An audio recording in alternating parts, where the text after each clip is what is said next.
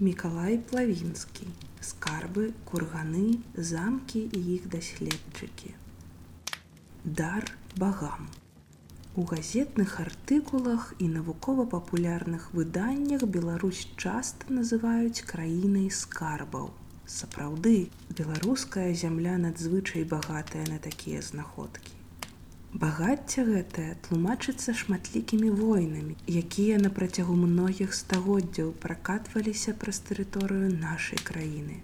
Кожны знойдзены сёння скарб сведчанне трагічнага лёсу яго колішняга ўладальніка. Бо калі ён выяўлены ў наш час, гэта азначае, што гаспадар калісьці не здолеў вярнуцца за схаванымі ім каштоўнасцямі. Разам з тым, кожны скарб унікальная крыніца ведаў аб мінулай гісторыі. Прычым яго каштоўнасць заключаецца не ў кошце зарытага срэбра ці золата, а ў той незвычайнай гісторыі, якую могуць распавесці старажытныя манеты, упрыгажэнні, дэталёвы аналіз абставінаў іх выяўлення. Некалькі прыкладаў такіх гісторый мы зараз прывядзем. Першая з гэтых гісторый прысвячаецца аднаму з самых незвычайных знойдзеных на беларусі скарбаў скарбу эпохі вікінгаў з брылёўскага поля.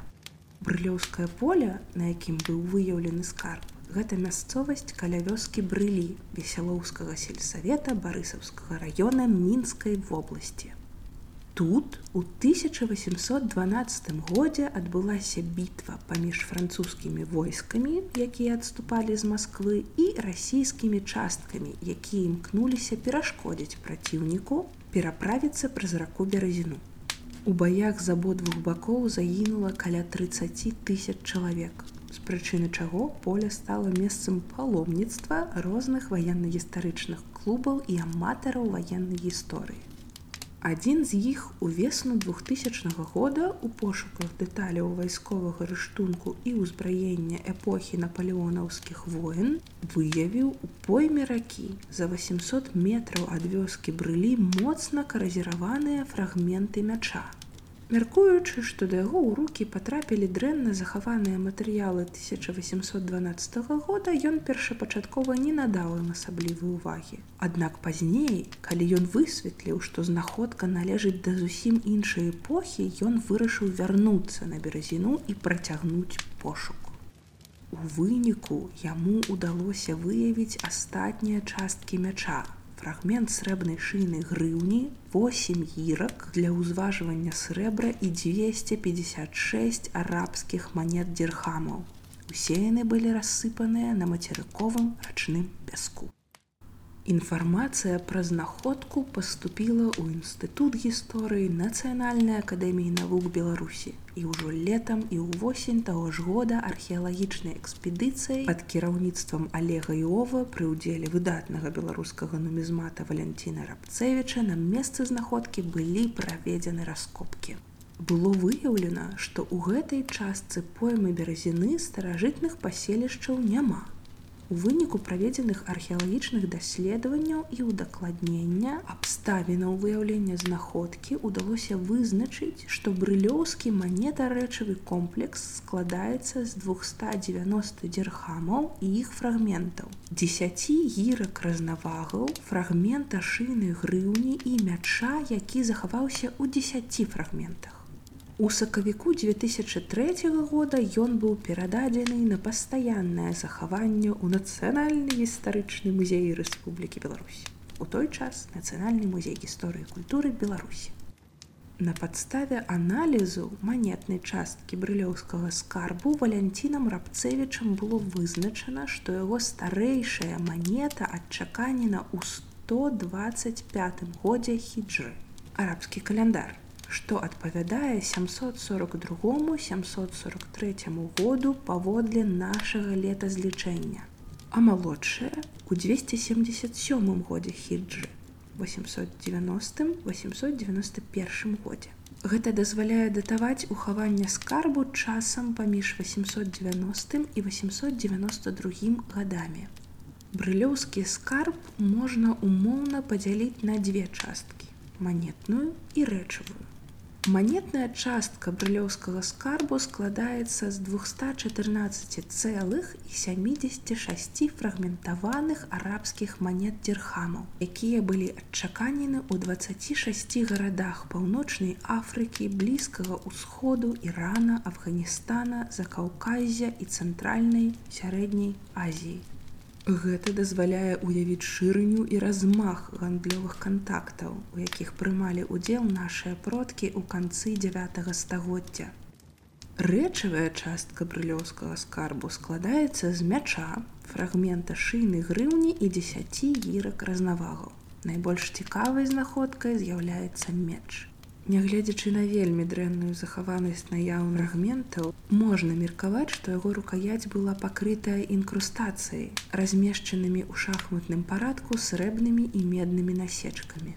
У эпоху вікінгаў мячы былі рэдкай і надзвычай каштоўнай зброяй. Большасць з іх выраблялася ў франкскіх майстэрнях у рэгіёне сярэдняга рэйна, сучасная тэрыторыя Геррманіі. З гэтых майстэрняў бліскучыя смертаносныя клінкі разыходзіліся па ўсёй тэрыторыі Еўропы. Звычайна на клінках такіх мячоў мелася клеймо ульфбергт лацінскімі літарамі. Аднак з-за стану захаванасці брылёўскай знаходкі выявіць на ёй сляды кляйма немагчыма. Затое можна упэўнена сцвярджаць, што яшчэ ў старажытнасці клінок быў пагнуты ў двух месцах. Гэта азначае, што перад тым, як схаваць меч наўмысна сапсавалі, напэўна, у рытуальных мэтах. Фрагмент шыйнай грыўні прадстаўляе сабой скручаны ў два абарота кавалак срэбнага дроту. На адным канцы добра бачны след ад адсякання кавалка грыўні. У эпоху вікінгаў у паўночнай і ўсходняй Еўропе срэбныя манеты прадстаўлялі каштоўнасць не як грашовыя адзінкі, а як вагавая срэбра. Падчас гандлёвых аперацый манеты разразаліся на кавалкі, каб дасягнуць неабходнай для аплаты вагі. З іншага боку, заможныя людзі маглі пераплаўляць лішкі манет у ювелірнае ўпрыгажэнні, бранзалеты ці грыўні, якія ў выпадку неабходнасці зноў лёгка пераўтвараліся ў сродкі аплаты. Ад іх адрубалі кавалкі пэўнай вагі, як гэта сталася з брылёўскай шыйнай грыўняй. Для ўзважвання срэбра выкарыстоўваліся складныя бронзавыя рычажныя шалі. Яны складаліся з каромысла, замацаванага ў так званым відэльцы і дзвюх кубачкаў. Кубачкі часта маглі быць арнаментаванымі. Яны мацаваліся да каромысла вяровачкамі ці ланцужкамі шалі захоўваліся ў бронзавых дзвюхстворкавых скрыначках, створкі якіх змацоўваліся завескамі і пакрываліся геаметрычным арнаментам. Срэбра ўзважвалі пры дапамозе стандартызаваных тыпаў гірак разнавагаў. Найбольш распаўсюджанымі былі бочкападобныя і 14гранныя гіркі. Яны рабіліся з жалеза і абцягваліся меддзю. Новы тып шаляў і гіркі разнавагі былі прынесены ва ўсходнюю і паўночную Еўропу з ісламскага свету, аб чым сведчаць знаходкі гірак з арабскімі надпісамі ці іх імітацыямі. У склад брылёўскага скарбу ўваходзіць 10 гірак. З іх 6 маюць бочкападобную форму, а 4 14гранную. Пытанне аб тым, чаму манеты, гіркі, фрагмент шыйнай грыўні і меч апынуліся ў пойме бяразіны, выклікала пэўную дыскусію сярод навукоўцаў.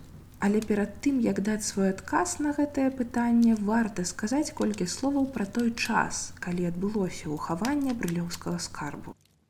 Канец першага тысячагоддзя нашай эры быў надзвычай важным перыядам у гісторыі насельніцтва ўсходняй Еўропы у тым ліку і земляў сучаснай беларусі.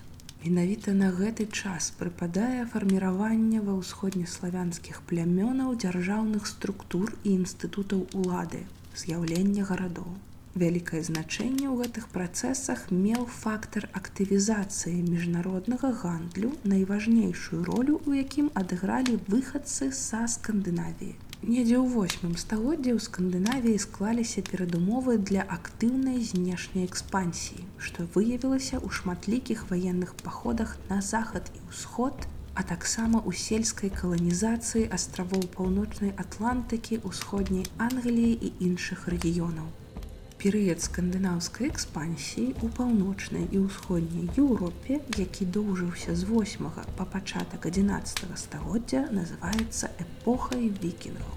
Ва ўсходняй Еўропе першыя вікінгі, якіх тут сталі пазней называць варагамі, з'яўляюцца прыкладна ў сярэдзіне 8 стагоддзя. Яны рухаліся па ўсходнееўрапейскіх рэках на поўдзень і ўсход у пошуках ваеннай здабычы выгодных гандлёвых аперацый, а часам і месца для пасялення. Адной з асноўных прычын прасоўвання пікінгаў на ўсход было імкненне набыць багацце. Галоўным матэрыяльным выяўленнем якога было арабскае срэбра. У абмен на срэбныя манеты вікінгі вывозілі з паўночнай усходняй Еўропы каштоўныя футры і рабу. На тэрыторыі ўсходняй Еўропы сфармаваліся некалькі гандлёвых шляхаў, асноўнымі з якіх былі вялікі волжскі шлях і шлях з варагаў у грэкі. Апошні праходзіў у тым ліку і па тэрыторыі Беларусі. Летапісец так апісвае гэты шлях. Ибе путь из варяг в греки, и из грек по Днепру и вверх Днепра в Волок до Ловати, и по Ловати в нити в Ильмер, озеро Великое. Из него же озера потечет Волхов и втечет в озеро Великое Нево, и того озера внидят устье в море Варязское. Акрамя шляху з варагаў у грэкі праз беларускія землі таксама праходзіла яго адгалінаванне па заходняй дзвіне – Нёманска-дняпроўскі і прыпецка-бухскі шляхі. Асноўнымі адзнакамі функцыянавання гандлёвых шляхоў з'яўляюцца знаходкі скарбаў і асобных манет. Брылёўскі скарб гэта адно з найбольш ранніх сведчанняў функцыянавання гандлёвага шляху па бярэзіне, што злучаў верхняе падняпроўе з верхнім падзіннем ужо напрыканцы 9 стагоддзя. А цяпер час адказаць на пытанне, як срэбра, меч і гіркі апынуліся на дне ракі. Звычайна з'яўленне скарбу ёсць вынікам ухавання пэўных каштоўнасцяў у выпадку нейкай небяспекі, ваенных дзеянняў, рабаўнічага нападу ці прыхаваннем на чорны дзень зберажэння. Але ў эпоху вікінгаў скарбы маглі закопвацца ў зямлю альбо тапіцца ў моры, рацэ ці балоце ў сакральных мэтах каб удача увасобленая ў гэтых каштоўнасцях спадарожнічала іх уладальніку як у жыцці так і на тым свеце. Мяркуючы па тым што клінок мяча быў мэтанакіраваны сагнуты не менш як у двух месцах над ім ажыццяўляліся пэўныя рытуальныя дзеянні. Верагодна перад ухаваннем скарбу над зброя быў праведзены нейкі рытуал па яе псаванні іншымі словамі забойству Звычай псавання зброі быў шырока распаўсюджаны ў розных раннесярэднявечных еўрапейскіх народаў, першую чаргу ў пахавальным абрадзе. Зыходзячы з гэтага найбольш верагоднай з'яўляецца інтэрпрэтацыя брылёўскага скарбу як рытуальнага паднашэння багам. З мэтай забяспечыць поспех будучых ваенных і гандлёвых мерапрыемстваў уладальніка гэтага багацця. Скарб ювеліра. Яшчэ адзін незвычайны манетна-рэчавы скарб паходзіць з вёскі гараўляны глыбоцкага раёна віцебскай вобласці. Скарб быў знойдзены ў 1965 годзе на заходняй ускраіне вёскі мясцовымі школьнікамі першым на месца знаходкі прыехаў супрацоўнік гістарычнага факультэта беларускага дзяржаўнага універсітэта геннадзь даўяў які сабраў у дзяцей знойдзеныя манеты і прадметы. Усяго ім былі сабраны 394 цэлыя і фрагментаваныя срэбныя манеты у тым ліку 219 арабскіх дзірхамаў і 174 заходнееўрапейскія дынары а таксама срэбная падковападобная фібула, некалькі фрагментаў ювелірных упрыгажэнняў, шыферная прасілка і аскепкі ад гаршка, якім, верагодна, знаходзіліся ўсе гэтыя каштоўнасці. Практычна адразу пасля даўялы ў гараўляны прыехаў археолог з інстытута гісторыі акадэміі навук бССР Георгій штыхаў. Ён абследаваў месца знаходкі скарбу і правёў тут раскопкі, у выніку чаго была выяўлена другая частка скарбу. Гаршчок зроблены на ганчарным крузе, у якім змяшчаліся яшчэ 185 прадметаў. 135 пераважна фрагментаваных манет і 15 манет наследаванняў куфічным дзірхамам у выглядзе брыктатаў, манетных кружкоў з аднабаковай чаканкай, з вушкамі, срэбны ювелірны лом, сагнутая шыйная грыўня, віты бранзалет завязанымі канцамі, шырокасярэдзінны арнаментаваны пярсцёнак, крутак з 11 бранзалетападобных колсаў, скрутак дроту і 34 пацеркі. Можна меркаваць, што ўсе гэтыя каштоўнасці былі схаваны ў зямлю недзе ў сярэдзіне 11 стагоддзя.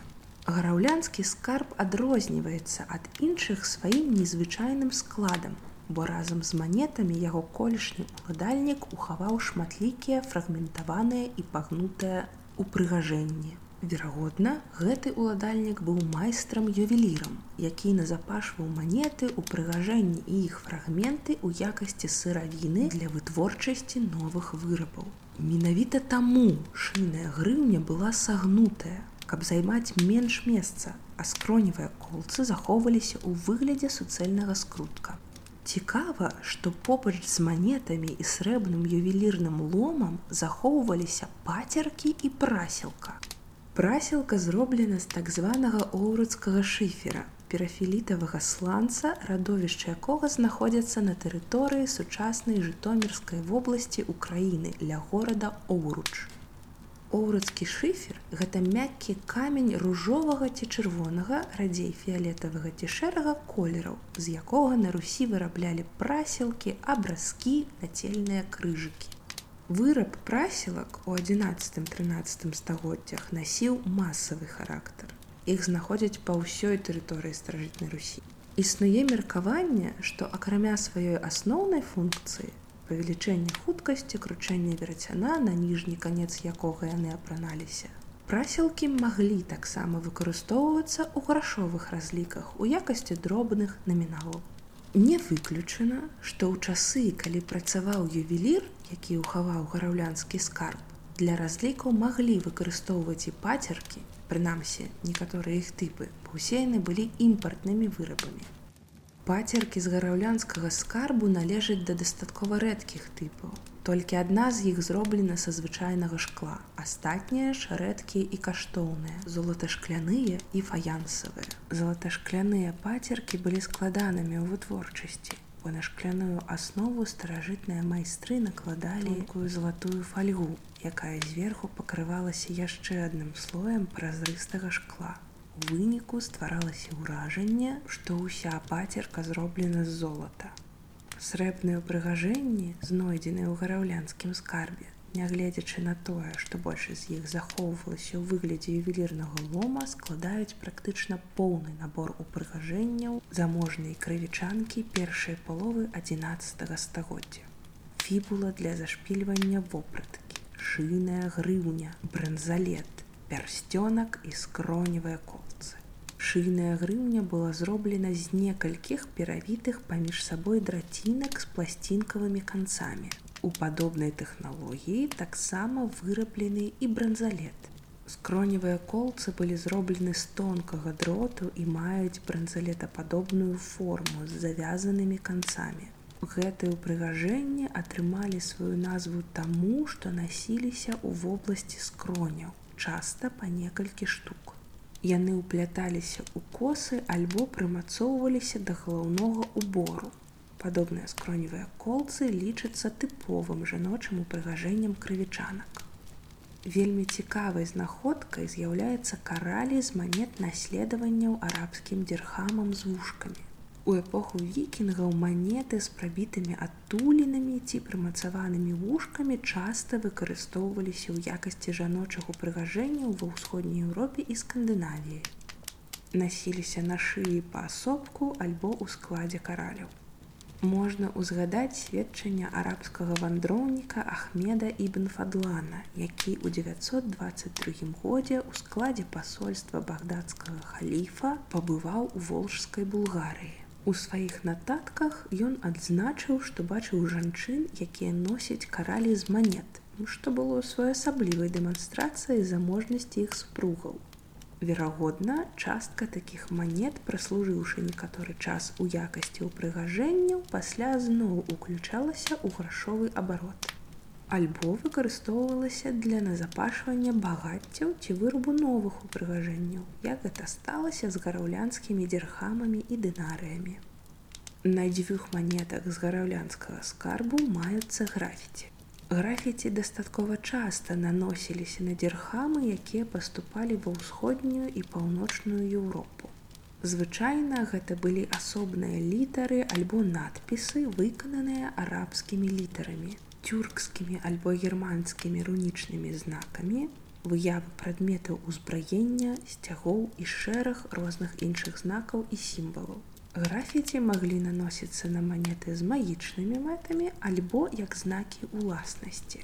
На адной з гараўлянскіх манет траціне арабскага дзірхама сярэдзіны трэцяй чвэрці 10 стагоддзя захаваліся рэшткі графіці, якое, дзякуючы аналогіі з пяскоўскага скарбу, знойдзенага ва владимирскай вобласці, можна вызначыць як выяву молата з трохзубымі заканчэннямі. Сімвал скандынаўскага бога тора.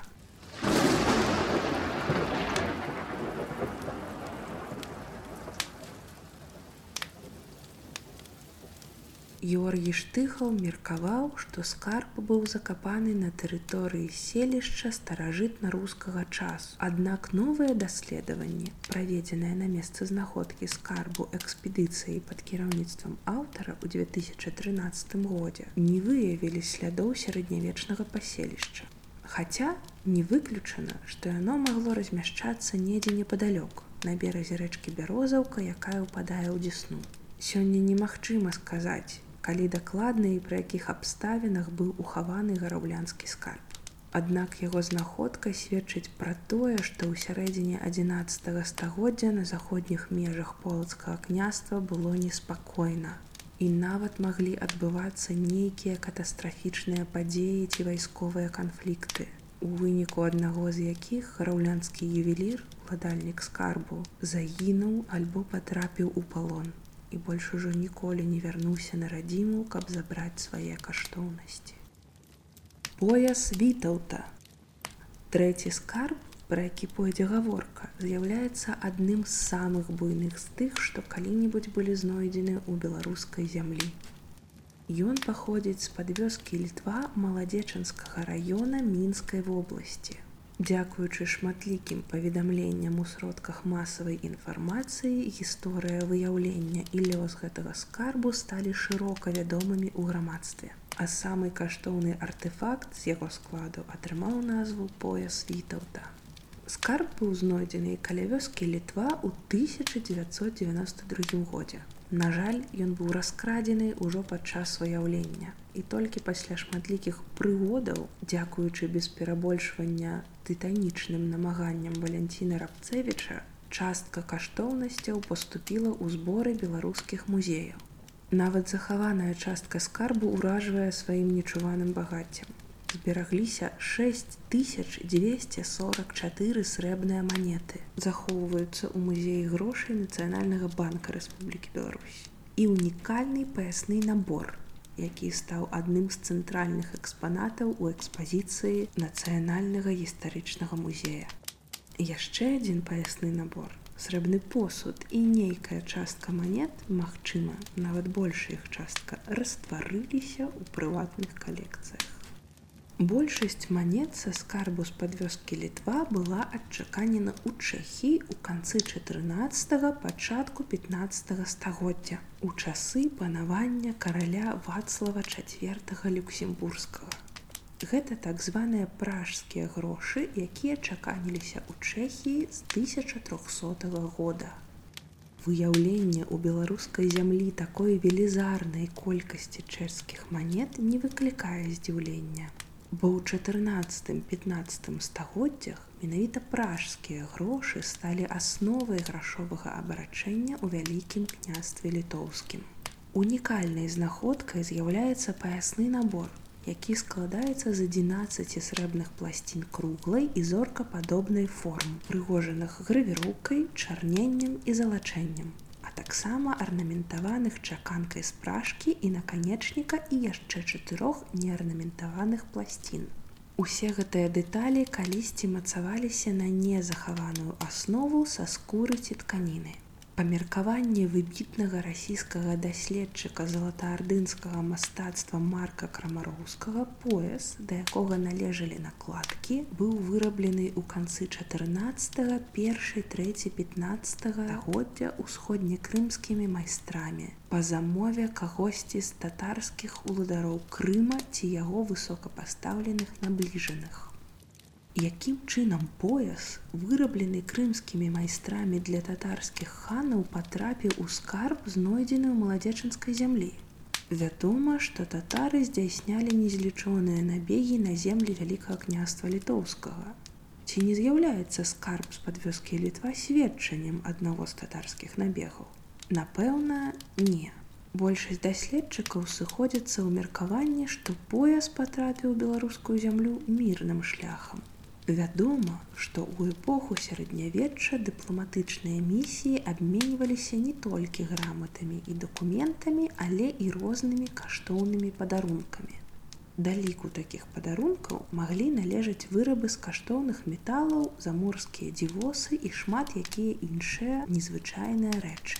Уручэнне падарункаў суправаджалася адпаведнымі цырымоніямі, парушэнне якіх магло прывесці да абраза прымаючага боку ці саміх паслоў і сарваць усе мэты пасольства. Верагодна, менавіта такім пасольскім падарункам з'яўляецца і пояс са скарбу з-пад вёскі літва. Бо залатыя і срэбныя паясы высока цаніліся ў княжацкім і магнацкім асяродку, дзе яны былі сведчаннямі статусу і багацця іх уладальнікаў. Некаторыя навукоўцы выказваюць меркаванне, што пояс быў падараваны татарскімі пасламі вялікаму князю вітаўту, самому магутнаму і знакамітаму валадару вялікага княства літоўскага. Менавіта таму срэбны залачоны пояс атрымаў назву пояс вітаўта, якая была падхоплена і запушчана ў шырокі ўжытак журналістамі. Канешне, зараз складана з поўнай упэўненасцю казаць, каму татарскія паслы маглі падараваць каштоўны пояс. Магчыма, гэта сапраўды быў сам вялікі князь вітаўт, альбо хтосьці з яго сваякоў ці прадстаўнікоў найбліжэйшага княжацкага атачэння. Аднак, аб тым, якім чынам найкаштоўнейшы пояс і велізарная колькасць манет патрапілі ў зямлю, можна меркаваць дастаткова упэўнена. На падставе аналізу манетнай часткі скарбу з падвёскі літва Валянцін Рабцевіч вызначыў, што ён быў ухаваны падчас грамадзянскай вайны, што разгарэлася ў вялікім княстве літоўскім пасля смерці вітаўта, які не пакінуў па сабе нашчадкаў па мужчынскай лініі. Вайна доўжылася з 1432 па 1436 год паміж двума прэтэндэнтамі на вялікае княжэнне родным братам вітаўда жагемонтам кейстутавічам і родным братам ягайлы сведрыгайлам альгердавічам. Дынастычная барацьба паміж сваякамі разгарэлася на фоне рэлігійных супярэчнасцяў паміж праваслаўнымі, якія падтрымлівалі сведрыгайлу і каталікамі, якія выступалі на баку жагемонта. Апошні выйшаў у гэтым супрацьстаянні пераможцам. На думку гісторыка Васіля Вароніна скарб быў хаваны ля вёскі літва ў выніку бітвы, што адбылася ў жніўні 1433 года ля вёскі капачы, усяго за 7 кіламетраў ад месца яго знаходкі.